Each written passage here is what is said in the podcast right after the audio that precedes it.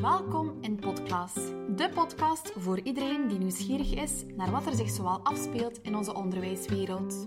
Ik ben Elisabeth, leerkracht en orthopedagoog van opleiding en momenteel werkende in het buitengewoon lager onderwijs. En ik ben Eva, leerkracht lager onderwijs. In deze podcast vragen we interessante gasten op de koffie die ons inspireren met hun onderwijsverhaal. Koffie klaar? Luisteren maar.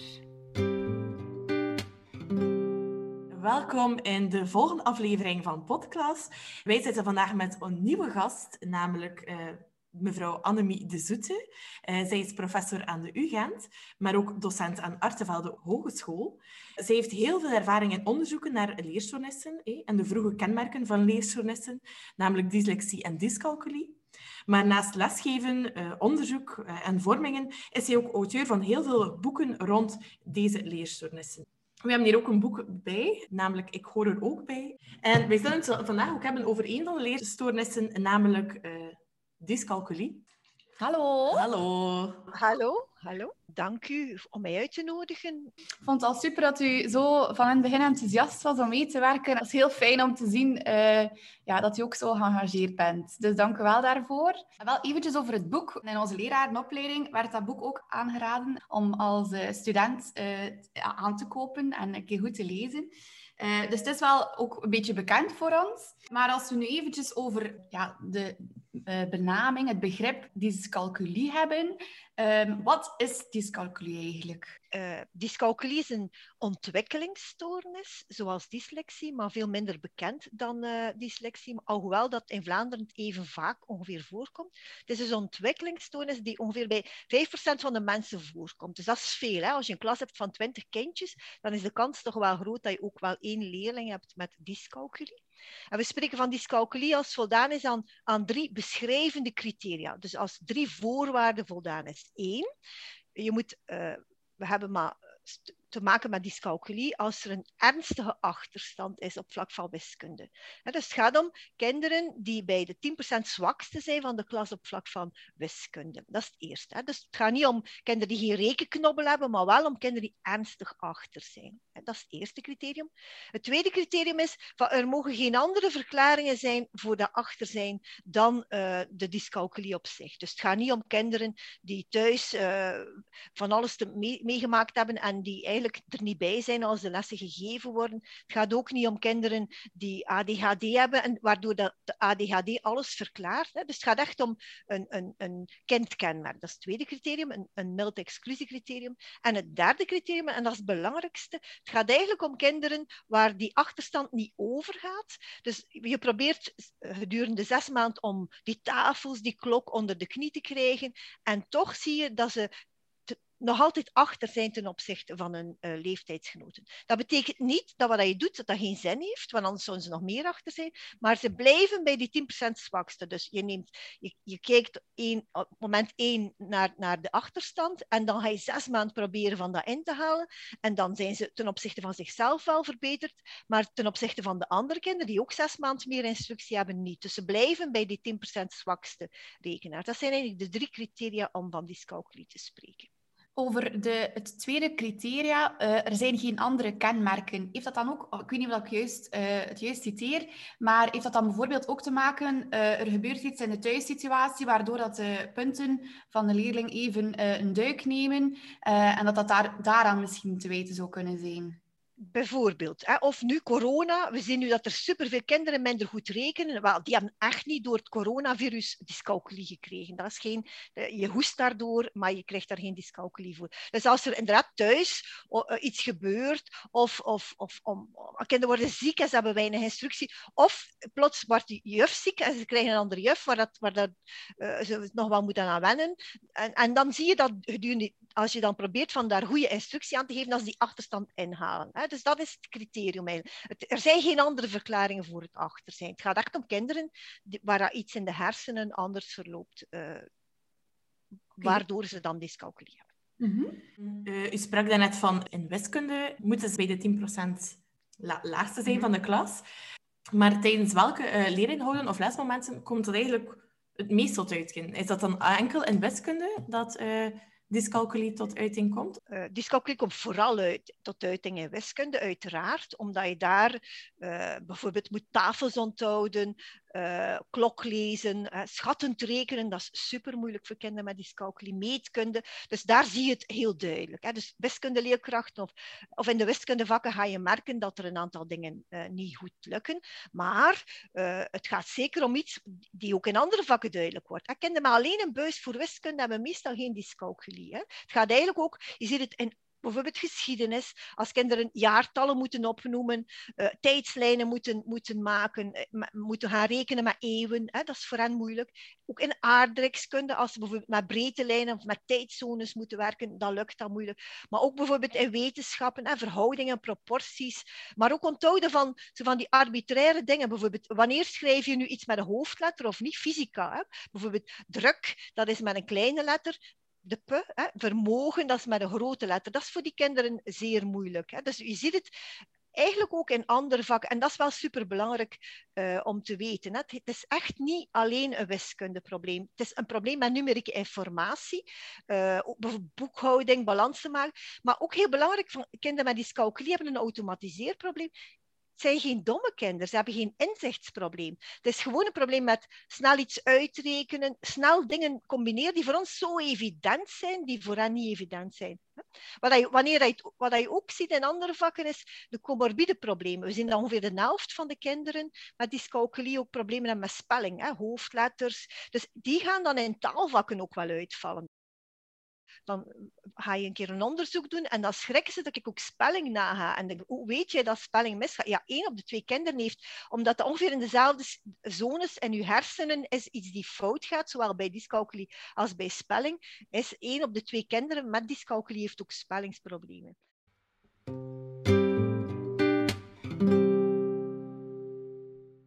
oorsprong van uh, dyscalculie bevindt zich in de hersenen, dus het is eigenlijk wel een neurologisch uh, probleem op dat gebied.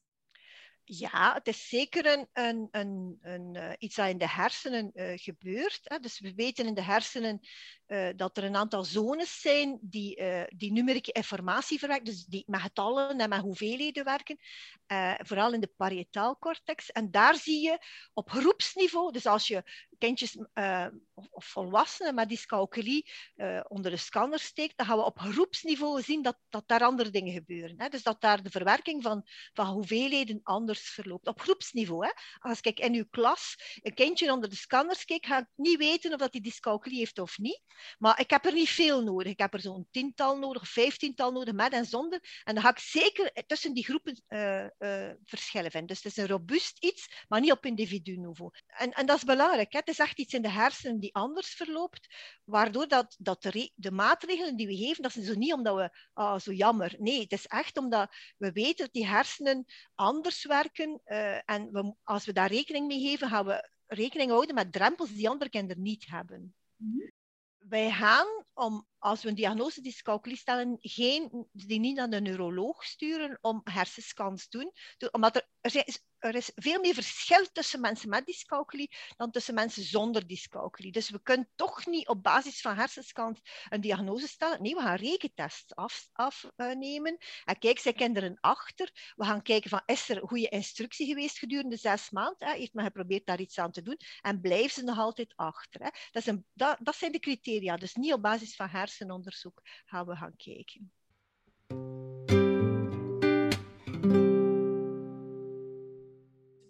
als we nu eventjes spreken van een kind heeft dyscalculie, hoe leggen we dat het uh, beste uit uh, aan een kind zelf, wat dat het precies inhoudt?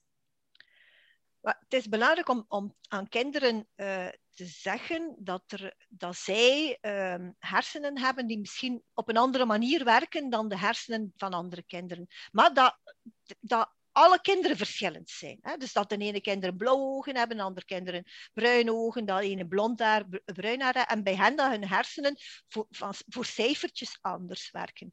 En dat dat eigenlijk helemaal niet betekent dat ze lui zijn of dom zijn, maar dat dingen met cijfers, dat dat bij hen meer moeite gaat kosten. En dat is dan beter zijn in andere zaken. Dus dat, dat we op die manier kunnen dat een stukje vergelijken. Hè? En dat we, als we rekening daarmee houden, als we ze hulpmiddelen geven, dat we beter kunnen tonen waartoe dat ze echt in staat zijn. En een beetje te vergelijken met... Er zijn kinderen die goed zien en er zijn kinderen die minder goed zien. En die, mogen, ja, die hebben dan een bril aan. En die mogen die bril aanhouden bij toetsen. Ja, bij jou heeft niet veel zin om een bril aan te doen als je, als je even goed ziet. dus we proberen duidelijk te maken dat er bij hen iets anders verloopt in hun hoofd, maar dat er wel mensen zijn die, die, die heel belangrijk geworden zijn. Hè? Edison, uh, er zijn superbelangrijke rolmodellen met, met uh, dyscalculie. Dus dat dat niet betekent dat een leven om zeep is. Nee, dat ze gewoon anders zijn op vlak van rekenen en dat we daar rekening mee moeten mee houden. En dat de andere kinderen daar ook een stukje rekening uh, moeten mee houden. Hè?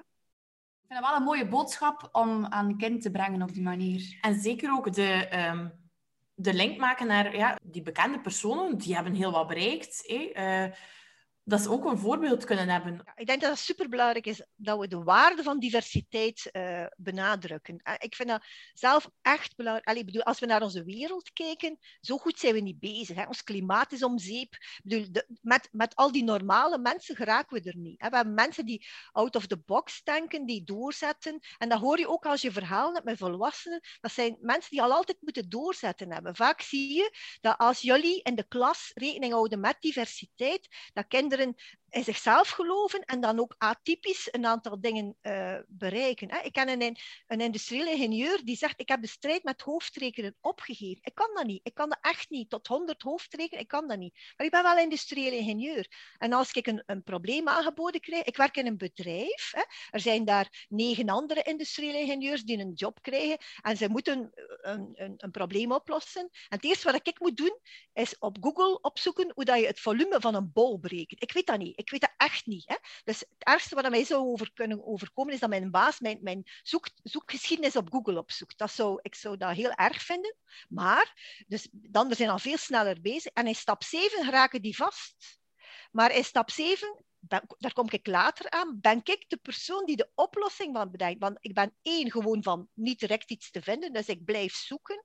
En twee, ik ben ook de persoon om die gewoon is van op een andere manier die oplossing te bedoelen. Dus ik heb absolute meerwaarde in onze maatschappij. En dat is wat je aan leerlingen moet zeggen. Het zal niet makkelijk zijn. Het wordt een lastig traject. Dit wordt voor jou lastig.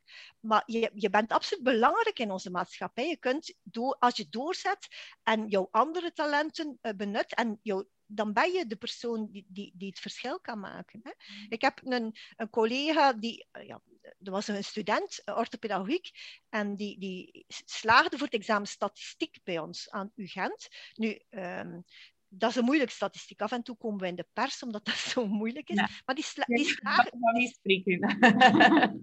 Voilà, voilà, voilà. Dus dat is echt moeilijk. Maar die, die is daardoor geslaagd omdat ze veel harder werkte. Die zijn gewoon om harder te werken. En nu is die orthopedagoog in een, groot, in een grote instelling.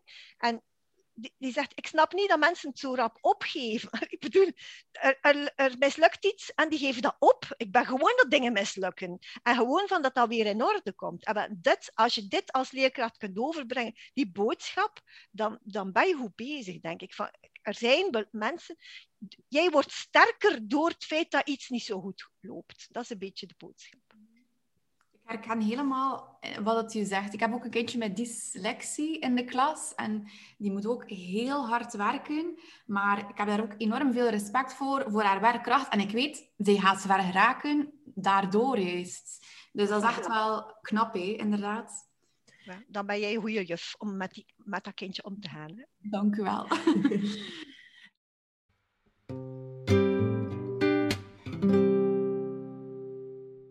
is het zo dat de meeste leerlingen eigenlijk al een hele weg hebben afgelegd uh, vooraleer dat dyscalculie getraceerd wordt? Uh, of wordt dat eigenlijk ook wel heel snel getraceerd? Het hangt er een beetje van af. Hè? Als ouders of als leerkrachten beginnende leerkracht zijn en die weten van dit, hoe dat je dingen aanpakt, dan kan dat een tijdje duren. Maar bij sommige kinderen is dat al zo duidelijk. Hè? Eh, ouders vertellen mij bijvoorbeeld, uh, een van de kinderen, die, uh, ze, ze hadden magneetlettertjes en magneetcijfertjes. En dat kind heeft met die letters gespeeld en zijn naam gemaakt. Maar die cijfers zijn nooit uit dat zakje gekomen. En dan denkt al, hmm, hoe komt dat nu? En andere ouders die vertellen van, mijn, mijn, mijn, mijn zoontje, die, die, onthoud, die, die, had moeite met, met zijn verjaardag onthouden. Ik bedoel, dat was al zo duidelijk bij die kinderen. En dan, dan zoek je hulp en dan, dan vanaf eerste leerjaar denk je dan toch al, uh, je begint zelfs uh, vroeger, er, is iets aan de hand. Bij andere kinderen is dat veel minder duidelijk uh, en komt dat veel later. Dus het, je er is zo geen traject die alle kinderen doorlopen. Dat is heel verschillend. Uh, dus sommigen hebben dat wel al en sommigen niet. Uh, kan dat ook bijvoorbeeld zijn bij het, het onthouden van de maanden van het jaar, die automatisering? We zijn nu een beetje in gesprek en ik ben nu zo ook een keer zelf aan het nadenken. Um, ik heb zelf als leerkracht ook al momenten gehad van, oei, gelijk dat je zegt, oei, je kent, je kent je verjaardag niet of je kent de uh, maanden van het jaar nog niet, een juiste volgorde. Dat oei-moment moeten we eigenlijk op, omzetten naar um, ja, het het bekijken van wat, wat zou dat kunnen zijn en het een beetje onderzoeken. Um, ja, zou dat ook kunnen met de maanden van het jaar bijvoorbeeld? Heel zeker. Hè? De, de, vor, de, vormen uh, niet onthouden, de maanden van het jaar niet onthouden. Dat zijn al die dingen die bij andere kinderen vlot verlopen en bij kinderen met dyscalculie vaak moeilijk verlopen. Maar het kan ook zijn dat kinderen daar geen fluit in geïnteresseerd zijn in die maanden van het jaar. En dat het om, dus je weet het nooit, maar dit kan, dit is zeker een, wel die oei-momenten die moeten koesteren. Hè? Van oei, en dan zes maanden proberen, goed bezig zijn. En als het opgelost is, was uw oei eh, aan motivatie te maken. Maar dus die alarmsignalen, eh, het alert zijn voor die dingen zijn, is eigenlijk superbelangrijk als leerkracht. Vooral die, uh, opmerkzaam zijn voor die kleine dingen is heel belangrijk. En alert zijn op dingen die anders lopen dan bij andere kinderen. Hè? Als dat automatiseren, als, die, als ze blijven vingertellen, als die, die tafels van vermenigvuldiging niet door elkaar kennen, ondanks dat je weet, dat is keihard gewerkt. Die, die maanden van het jaar, die vormen, uh, de klok, hè, dat is, een, is, echt een alarmsignaal. De, de, analoge klok niet kennen en daar eigenlijk... Wel, die, die, dat kindje met die magneetcijfertjes, die, die kan nog altijd de klok niet. En die, ze hebben dat zodanig gepusht, dat als, als dat kind nu een klok ziet, dan, dan begint hij al te flippen. Bedoel, die is al zo bang van, ik ga dat toch niet kunnen, dat hij eigenlijk dat niet, niet aangeleerd krijgt. Dus klok, uh, ma, dingen onthouden, ze al die die automatiseerzaken niet onder de knie krijgen, dat zijn oeimomenten. En die oeimomenten moeten koesteren, alert zijn en daar dan zes maanden op gaan remediëren. En dan kijken van, is bijgeleerd? Zoveel te beter, want het is ook zinvol, al heb je geen dyscalculie, dat ze de maanden van het jaar kennen. En dus, dat is belangrijk. Dus uw remediëring is dan, ja, wij staan op geen dyscalculie, maar dat is ook oké, kinderen zijn ondertussen geholpen. -hmm. Um, zijn er ook nog andere um, uh, leerstoornissen, leerproblemen, uh, die in combinatie kunnen uh, zijn met dyscalculie? Ja, dat, dat maakt het net moeilijk. Hè? Dus, en die kinderen die inderdaad comorbide stoornissen hebben, een dubbeldiagnose, die spoor je later op, omdat men denkt, ah, ik heb al een verklaring, ik heb al een etiketje. Het heeft te maken met dyslexie. Hè? Of het heeft te maken met ADHD. We zien dat dyslexie dus niet goed kunnen lezen en of spellen, dat dat, dat, in ja, 17 tot 70 procent van de gevallen samen voorkomt met dyscalculie. Dus heel veel kinderen hebben en de combinatie van en dyslexie en dyscalculie, en vooral de combinatie van het niet goed kunnen spellen eh, in de dyslexie met dyscalculie. Daarnaast zie je dat er een, een, een aantal kinderen als kleuterke taalproblemen hadden en ook wel nog blijven taalproblemen hebben, ongeveer de helft. Hè. We zien dat er kinderen met ADHD zijn. Hè. Dus tussen de, de 12 en de 36 procent van de kinderen met dyscalculie hebben ADHD. Dus en aandachtsproblemen en dyscalculie. En dan is het moeilijk, hè, want men denkt, ja, ik kan niet goed rekenen, maar het is door die ADHD. Jawel, je kunt wel ADHD hebben en dyscalculie. En het is wel superbelangrijk om die twee op te sporen. Hè. Dus maar men denkt van, ik heb er al een verklaring voor en men denkt dan niet dat, dat, het, dat het een dubbeldiagnose gaat zijn. Ook één op de vier kinderen heeft DCD, Developmental Coordination Disorder. Dat zijn die kinderen die uh, later in uw klas komen omdat ze, omdat ze een jas niet afdoen en veters niet kunnen strekken. Als mensen nog veters dragen, ik weet dat nu niet, misschien. ik weet het niet. enfin, bedoel, maar ook, het zijn die kindjes die als je een intelligentietest afneemt, die al uw blokken op de grond gooien, uh, die, die motorisch niet zo, niet zo handig zijn. Dus één op de vier kinderen hebben een motorische probleem. Dus ook in het schrijven gaan trager zijn in het schrijven daardoor. We hebben ook een, een 3% kinderen met autisme spectrumstoornissen. Uh, dus we, zien vaak eigenlijk de, de geïsoleerde dyscalculie komt minder voor dan kinderen die dyscalculie hebben en daar nog iets naast. Het komt voor, hè? het komt echt voor, maar toch de minderheid, eh, of 40% of zoiets, dus meer, meer dan, dan, dan de helft van de kinderen heeft bovenop een dyscalculie ook nog iets anders. En dat is belangrijk, en dat kleurt je plaatje, hè? want dan heb je en aandachtsproblemen en dyscalculie, of en leesproblemen en dyscalculie, en ADHD en dyscalculie.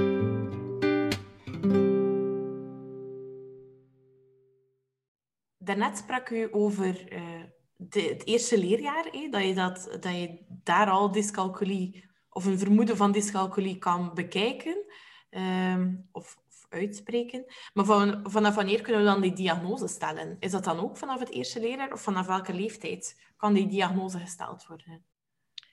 dat hangt ervan af. In principe, nadat je een, een, eerste meting gehad hebt en zes maanden geremedieerd hebt en een tweede meting gehad hebt.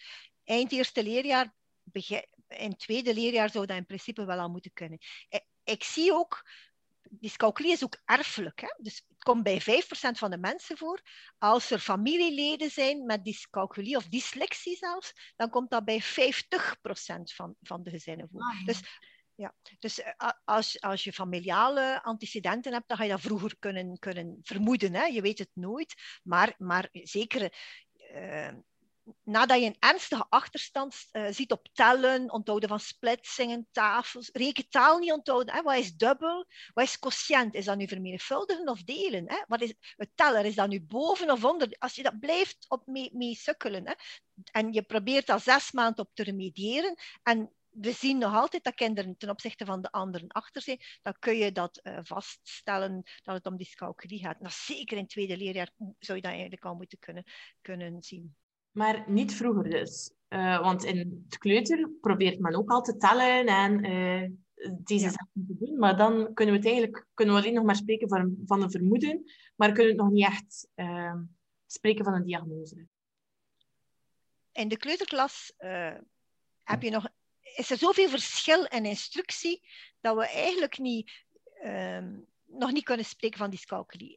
Als ik nu kleutertjes zie, heb ik wel vaak echt dat ik denk van oei, dit is wel een alarmsignaal. In de kleuterklas is het belangrijk van, van de tijd niet te verliezen. Hè? Als je merkt, kinderen hebben broers of zussen met dyslexie of dyscalculie en dat, dat tellen, dat verloopt maar niet, dan is het belangrijk van daar wel op te werken. Dus het is niet, niet de boodschap van de kleuterklas niets te doen. Integendeel, dan ga je die, die cijfertijd nog meer moeten gaan stimuleren. Maar in de kleuterklas is er zoveel verschil dat je eigenlijk moeite hebt. Hè? Mijn kinderen konden uh, de klok lezen, zeker mijn oudste, kon de klok lezen tot op de minuut nauwkeurig, omdat hij gewoon s'nachts opstond. En ik had de klok getekend naast zijn bed en hij mocht maar opstaan als, als die wijzers daar stonden. Dat was voor mijzelf. Maar we zijn zo bezig met cijfertjes. En ook, ik kon op de duur, ik kon echt in de kleuterklas de klok lezen tot op de minuut. Hè? Mijn andere niet, die bleef slapen, dus dat was geen verschil. Maar er is zoveel verschil. Als wij zijn altijd bezig met cijfertjes. Hè? Als die zei van, mama, eh, ik heb vier blokjes vlees op mijn bord. Dan, dan zeg ik, amai, en hoeveel blokjes heb ik er? Hè? Terwijl dat sommige ouders zeggen van, eet ze vlug op, we moeten naar Roma gaan. Maar bij mij cijfers, is dat, dat, dat, is mijn ding. Hè? Maar die kinderen komen dan in de kleuterklas samen met kinderen waar dat de mensen zeggen van, eet ze vlug op. Dat, dus, en dan zie je zoveel verschil in ontluikende gecijferdheid, dat je eigenlijk moeite hebt om een diagnose te stellen. Hè? Dus terwijl dat de, de, de de gelijke kansen in het eerste leerjaar is, zijn, groter. De gelijkheid tussen kinderen is groter in het eerste leerjaar dan in de derde kleuterklas. Betekent niet, als je alarmsignalen ziet, in die kleuterklas dat je niets moet gaan doen. Maar een, een, een erop plakken, een diagnose dyscalculie zou ik niet doen. Wel, ik zou stimuleren op, op tellen, op stimuleren, op met rijmpjes die, die, dingen onthouden. Maar inderdaad, vanaf het eerste leerjaar kun je, omdat dan ook formele instructie is, uh, pas een diagnose stellen. Stel, we hebben een diagnose dyscalculie bij een leerling. Um, welke redelijke aanpassingen mogen wij uh, doen als leerkracht om die leerling te helpen? Uh, je mag, uh, gezien het M-decreet, dat misschien later het, een andere naam zou krijgen, en gezien onze wetgeving mag je sowieso zelfs zonder diagnose redelijke aanpassingen geven. Als jij nu merkt dit kind heeft meer tijd nodig, dan heb je daar geen diagnose voor nodig om meer tijd te geven. Dat is een beetje gezond verstand en zelf omgaan met diversiteit in je klas. Mhm. Dus dan, daarvoor heb je geen diagnose nodig om redelijke aanpassingen te doen. En uh, de redelijke aanpassingen die je doet, dat is dingen die werken. Hè? Bijvoorbeeld meer tijd geven voor toetsen. je kunt een beetje vergelijken. Dyscalculie is een, een probleem met automatisatie. Hè? We, als we de tafels leren, hè, 4 keer 5 is 5 plus 5 plus 5 plus 5 is 20. Wij denken dat we dat opslaan in het lange termijn geheugen. We doen dat ook. Ja? Dus 4 keer 5 is 20. En we denken, als we kinderen tafels laten oplossen, dat ze dan dat uit, uit dat schuifje van dat lange termijn geheugen weer ophalen. Nu, dat is zo, maar als lange termijn geheugen, dat werkt niet zo perfect. Dat plakt met andere feiten. Dus 4 keer 5, daar plakt aan 3 keer 5 plakt ook aan 5 keer 5. Hè, plakt alle, alle belendende tafels plakken aan dat ene tafelproduct. Dus als je 4 keer 5 uit je lange termijn geheugen haalt, ga je ook de oplossing van 3 keer 5, 5 keer 5 enzovoort ermee. En dan weet je heel snel, ah, dat is, dat is de verkeerde en we steken dat terug in. Bij de kinderen met dyscalculie ze halen ook de, de, de rekenfeiten uit je lange termijn geheugen, maar degene, de fouten, degene die eraan plakken, weten ze niet welke wat er juist en wat er fout is. Dus een lange termijn geheugen werkt niet zo goed. Zij gaan niet snel weten wat dat 4 keer 5 is. Ze gaan weten dat het, dat het of 15 is, omdat het 3 keer 5 is, of 25 is, omdat het 5 keer 5 is, enzovoort.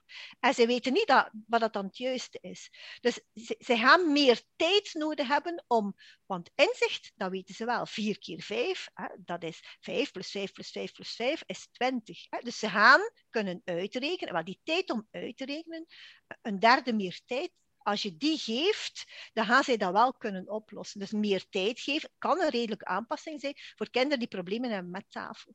Nu, het wordt moeilijker, want bij kinderen, er zijn kinderen met dyscalculie die tafelkampioen zijn. Ken je dat? Doen jullie dat tafelkampioenschappen? dat was in zoveel meer gedaan. Ik, in, onze in mijn tijd was het wel nog, ook tafelkampioen. Uh, maar nu wordt dat minder en minder gedaan, heb ik de indruk. Ook minder en minder aangeraden, nee, toch? Ja, zeggen, het is niet zo aan, aan te raden. Je wil maar als kind blijven staan totdat iedereen het gevonden heeft. Maar er zijn kinderen die tafelkampioen zijn met, met, met uh, dyscalculie, omdat ze net geen probleem hebben met dat lange termijn geheugen. Dat werkt maar wel met het korte termijn geheugen. Met, met het, ze verliezen zich in stapjes in het hoofd rekenen. 25 plus 34, dat is dan... Dus ze, alle stappen verliezen ze zich. Dus die kunnen dat dan wel. En dan voor dit kind meer tijd geven, is niet de oplossing. Bij dit kind ga je opzoekboekjes moeten geven. Ga je ze moeten laten op, uh, noteren in plaats van hoofdrekenen. Dus redelijke aanpassingen zijn kijken, wat kan dat kind en wat heeft dat kind nodig? En dat zal op maat zijn. En dan ga je moeten ook kijken na zes maanden, wat helpt jou? Wat helpt jou niet? Hè? Er zijn kinderen die bijvoorbeeld er zijn scholen die zeggen redelijk aanpassing, dat zijn kopies krijgen van, de, van, van, van andere notas van kindjes, zeker in het secundair onderwijs. Ja, dat, sommige kinderen krijgen dat niet geregeld. Hè. Ze, krijgen, ze moeten dat kopies gaan vragen en, en dat teruggeven. Die kunnen dat niet geregeld. Voor hen is dat geen goede oplossing. Dus praat met leerlingen, praat met ouders en dan kijk je welke redelijke aanpassingen uh, zinvol zijn. Maar bijvoorbeeld meer tijd een, een zakrekenmachine gebruiken, uh, formulekaart mogen gebruiken, toetsen mogen maken in een afzonderlijk lokaal. Gewoon omdat het is een automatiseerstoornis. Je kunt een beetje vergelijken van, als ik een spreekbeurt moet geven, dan heb ik meestal nog niet gegeten, dus ik heb eten mee in de auto, niet, niet, niet zo goed is terwijl je aan het rijden bent. Ik ondertussen uh, hoor ik de radio en, en, en ik uh, kan op mijn GPS er geraken. Wel, kinderen met dyscalculie gaan er ook geraken, maar niet met de radio aan en ook niet terwijl dat ze eten. Ze kunnen alleen... Dit kost is een automatiseerstoornis. Dit kost hen tijd. En als we hen die tijd geven door toetsen te maken in een afzonderlijk lokaal, dan lukt dat wel. Dus dat is wat we een beetje moet, moeten doen. Hè. Het is ook niet zo dat alle kinderen niet gestructureerd zijn veel kinderen hebben problemen met het studeren en met structuur. En daar ga je moeten helpen. En dat is dan een van de redelijke aanpassingen. Hè. Plan met hen de toetsen. Hè. Plan wanneer gaan ze beginnen. Overloop uh, de, de vraag. Geef vooral ook niet te veel vragen. Bedoel, want je weet, ze gaan er langer aan werken. Dus geef ofwel meer tijd ofwel minder vragen. Uh, en maak het voorspelbaar. Zorg dat je toetsen een weerspiegeling zijn van wat je in de klas gezien hebt. Hè. Zodanig dat ze eigenlijk een beetje voorbereid zijn. Nu, die dingen dan noemen ze um, UDL, hè, Universal Design for Learning, bedoel, dat is zinvol voor alle kinderen. Hè? Dus eigenlijk is het best wat u kan overkomen als kind om een leerling met dyscalculie in uw klas te hebben. Want de maatregelen die uw juf dan, of uw meester dan treft, die helpen iedereen in de klas.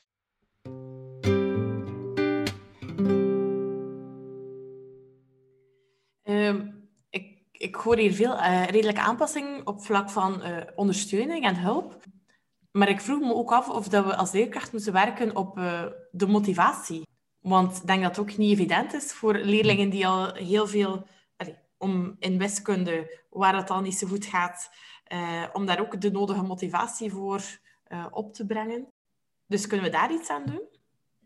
Ja, ik denk dat je op beide moet werken. Hè. Zowel op, op, op dingen die niet goed kunnen met die tafelkaart en met die zakrekenmachine, maar ook op motivatie. En eigenlijk ga je moet aan kinderen uit, uitleggen waarom dat zo belangrijk is dat ze zich inzetten. Want ze hebben eh, zoals je die ingenieur hebt, zij kunnen, wel, zij kunnen wel inzichtelijk een aantal dingen doen, maar het kost hen meer moeite. En zo, zoals je bij lezen, als je dyslexie hebt, kun je inzetten op leesplezier met luisterboeken, ga jij moeten leerkracht, leerlingen besmetten met, met, met het plezier van wiskunde. Hè? waarvoor heb je dat nodig? Waar, waar heb je dat? Waar, waarom is dat belangrijk? Dus dat is wel superbelangrijk. En dan duidelijk maken bij hen dat sommige dingen moeilijker gaan gaan, maar door het feit dat zij nu zoveel moeite hebben en leren doorzetten, gaan je dat later veel helpen. Dus op motivatie inzetten en op wiskunde is tof, hè? Je, je, je kunt mhm. dingen voorspellen in de wereld. Hè? Dat moet je een stukje uitstralen naar leerlingen. Dat is waar, dat is waar. En dat is wel de magie van een leerkracht. Of hey, dat is wel uh,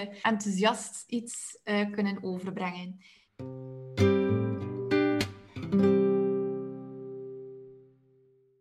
Zijn er ook redelijke aanpassingen die naar uw mening eigenlijk uh, geen goede redelijke aanpassingen zijn? Uh, die, die je misschien al gezien hebt in de praktijk en die eigenlijk de don'ts zijn? Ja, we zien vaak dat leer, leerkrachten redelijke aanpassingen toe, toestaan. Nu, ik moet zeggen, in het lager onderwijs gaat het ietsje beter dan het secundair onderwijs. Yes. nee, is waar. Weet je waarom dat eigenlijk ook zo is? Omdat ehm, Jullie zien die leerling sukkelen in de wiskunde, maar ook stralen in op andere vlakken. Terwijl een wiskundeleerkracht, die zie alleen de dingen die niet gaan. Hè? Of een wetenschapleerkracht, die zie alleen de dingen... Dus jullie zien die breder. Jullie zijn misschien ook breder op, opgeleid en doen allee, misschien meer pedagogische opleiding. Dat kan zeker ook wel zijn, maar het is wel zo. En in, in secundair onderwijs heb je dan het feit kinderen gaan puberen. Hè? Bedoel, dat, is, dat is nog lastiger uh, daarbij. Maar we zien vaak dat, dat leerkrachten bijvoorbeeld hulpmiddelen toestaan. En bijvoorbeeld een, een, een zakrekenmachine of een tafelkaart in de les maar niet bij toetsen. En dat, dat is echt een, een, een, dont. Dat is zoals zeggen van, oké, jij mag je bril dragen in de les, maar voor toetsen doe je die af. Dat is een beetje hetzelfde. Hè? Dus dat is echt een, een not done. Hè. Van hulpmiddelen toelaten in de les, maar niet in toetsen. Uh, standaardlijsten maken. We hebben scholen die bijvoorbeeld een standaardlijst maken bij dyscalculie. Is dat je terecht daarop, daarop, daarop, daarop. Dat werkt gewoon niet. Hè. Dat is echt ook niet echt uh, zaken. Um, uh, maatregelen gewoon na zes maanden niet, niet evalueren met, met, met, met leerlingen. Of kijken van wat werkt er, wat werkt er niet. Hè? Bijvoorbeeld op, uh, op, op het rapport zetten van uh, ja, goed begonnen, maar toch een beetje harder werken, je kunt beter. Dan denk je van, man, dat kind heeft dat net goed begonnen, dat was wat hij nog kon. Van, dat laatste is, is echt... dus tijdsdruk, toch werken met tijdsdruk is echt niet, is, is geen goede reden. Maar vooral hulpmiddelen toestaan die, die, en niet op toetsen, dat vind ik er helemaal over. Om, dat, dat gaat tegen alle, alle logica in.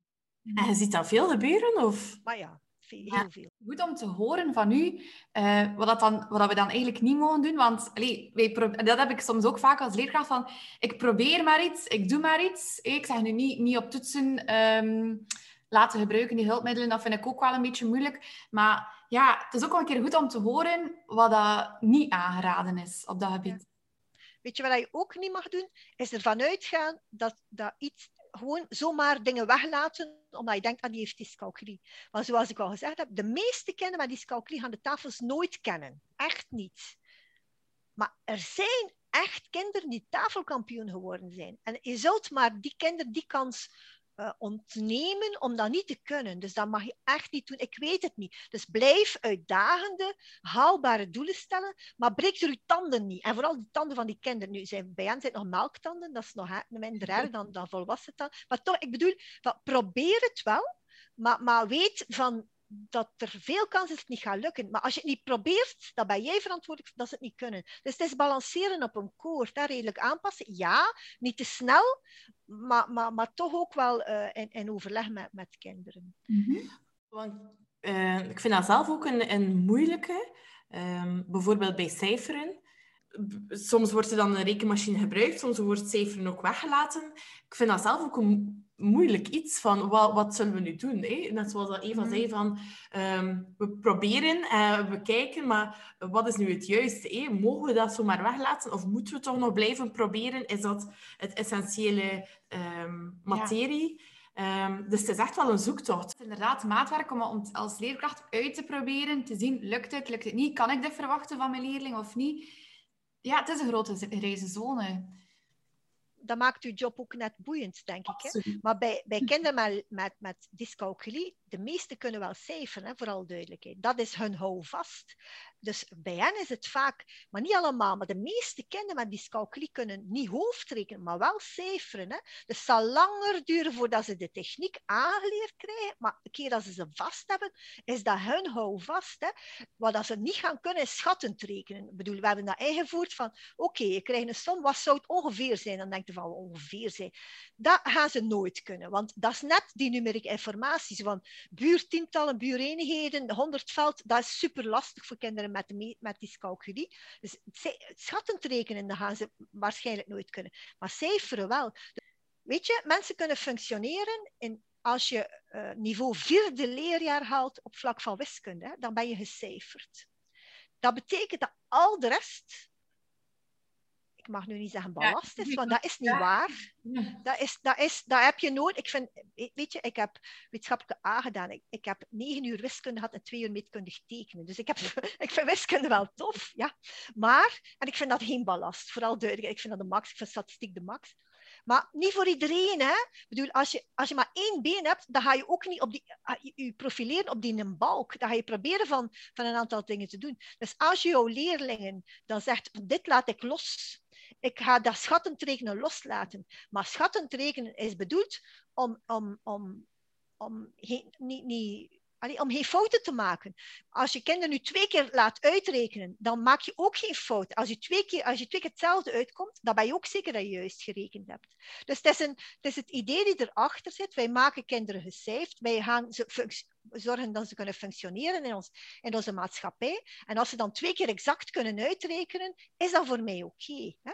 lesgeven is niet bladzijde 1 van uw handboek, bladzijde 2. Nee, dat is kijken wat doet dat met de kinderen en waar, waar kan ik ze best mee bereiken. En dat is met alle kinderen, ook met kinderen met dyscalculie.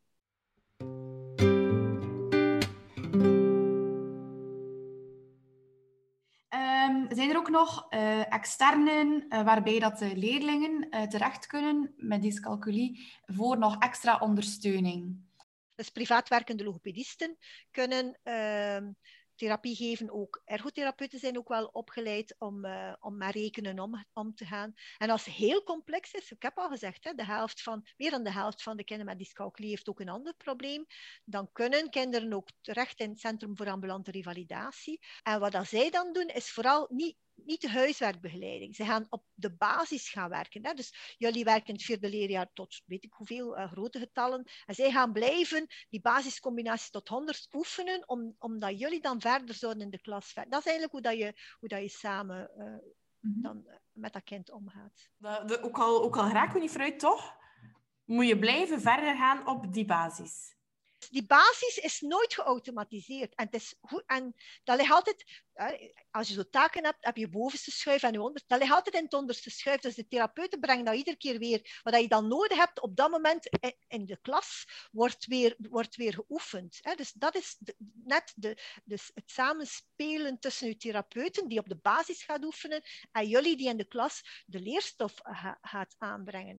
Waarom dat ik het eigenlijk vroeg? Omdat het eigenlijk, uh, als ik gewoon hoor van ze moeten blijven op de basis verder oefenen, ook al lukt het moeilijk, denk ik dat voor die leerling enorm lastig moet zijn ook. Dat is niet, last, dat is niet makkelijk. Hè? Mensen met dyscalculie hebben het voortdurend wel lastig. Hè? moet ik je voorstellen, je hebt dyscalculie en een jongere broer of zus begint plots, ik weet niet wat, sommen te maken dat jij kunt. Allee, dat jij niet kunt. Dat, dat is zeer lastig, dat is lastig. Maar het is wat het is. Hè? Mm. Het is wat het is en je kunt er je kunt er grootste dingen mee doen en je gaat moeten zorgen van, jij leert doorzetten en je gaat absolute meerwaarde hebben in onze maatschappij door jou anders zijn en met jou anders zijn. Hè. Werkgevers gaan, gaan, gaan absoluut jou nodig hebben. De het zal problemen blijven hebben. Zoals die ingenieur, ik heb het losgelaten, het hoofdrekenen. dus je gaat op inzicht blijven zitten en natuurlijk is dat lastig voor die leerling. Maar het zal aan jullie zijn om, om dat te beseffen dat, dat die dat lastig heeft. En om dan vooral op dat inzicht en op al wat dat niet lukt met, met hulpmiddelen. Hè? Dus uh, uw, telefoon, uh, uw, uh, uw, smartphone, uw opzoekboekjes. En, en vooral op dat, op dat inzicht te werken en dat mee te geven. Ik wil daar alleen maar concluderen dat we heel veel respect moeten hebben voor mensen die dyscalculie hebben en voor de moeite, extra moeite dat ze daarvoor moeten insteken. Hè.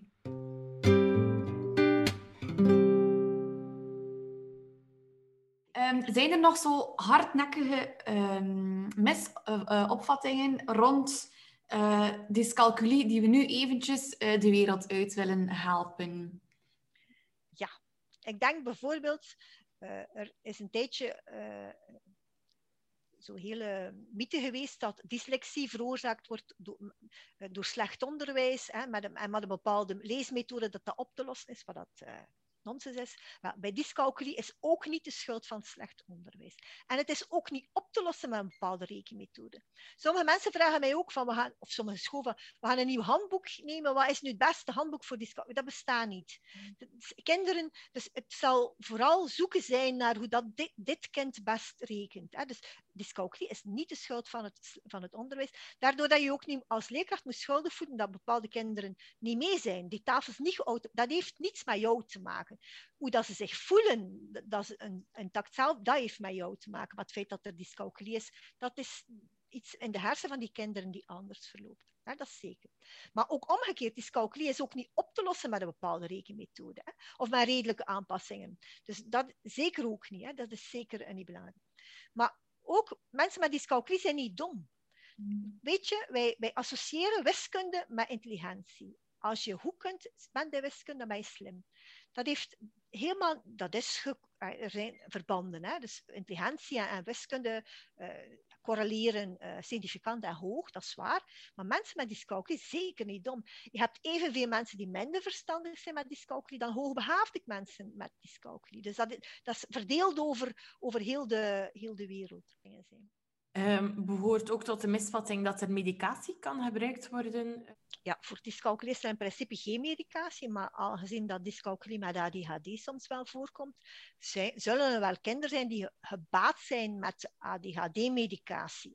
Voor die, allee, ook, dat moet dan bekeken worden. Maar op zich, al geïsoleerde dyscalculie, daar is niet echt medicatie voor, voor op de markt en ook niet voor nodig. Hè. We moeten vooral diversiteit stimuleren. Het gaat om mensen die een aantal dingen nooit gaan kunnen. Maar weet je, ik kan ook geen plan lezen. Ik bedoel, als je mij laat plan lezen, dan ben je met, met de GPS is dat ideaal opgelost, maar ben je zeker verloren. Maar ik kan wel andere dingen. Want mensen met dyscalculie gaan dat ook moeten kunnen. En het zelfbeeld, dat kun je niet via Google oproepen. Dat is iets waar jullie voor verantwoordelijk zijn in de klas, door dat uh, uit te stralen, eigenlijk, de waarde van diversiteit.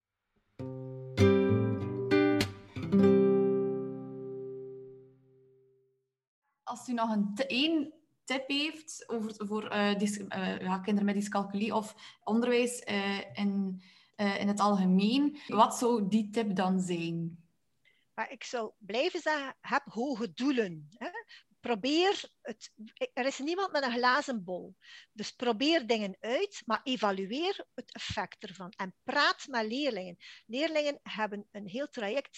Ze, zijn soms ook wel ervaringsdeskundigen. Uh, mevrouw De Soete, het rest was alleen nog om u heel erg te bedanken voor deze inspirerende babbel. Ik, uh, ik spreek vanuit mezelf, maar ik denk ook vanuit uh, Elisabeth dat het heel interessant is. Uw visie op diversiteit, heel inspirerend.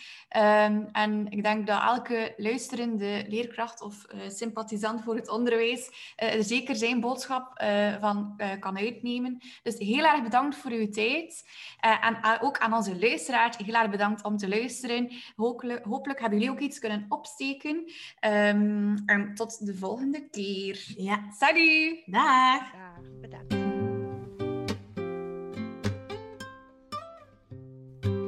Bedankt om te luisteren naar de podcast.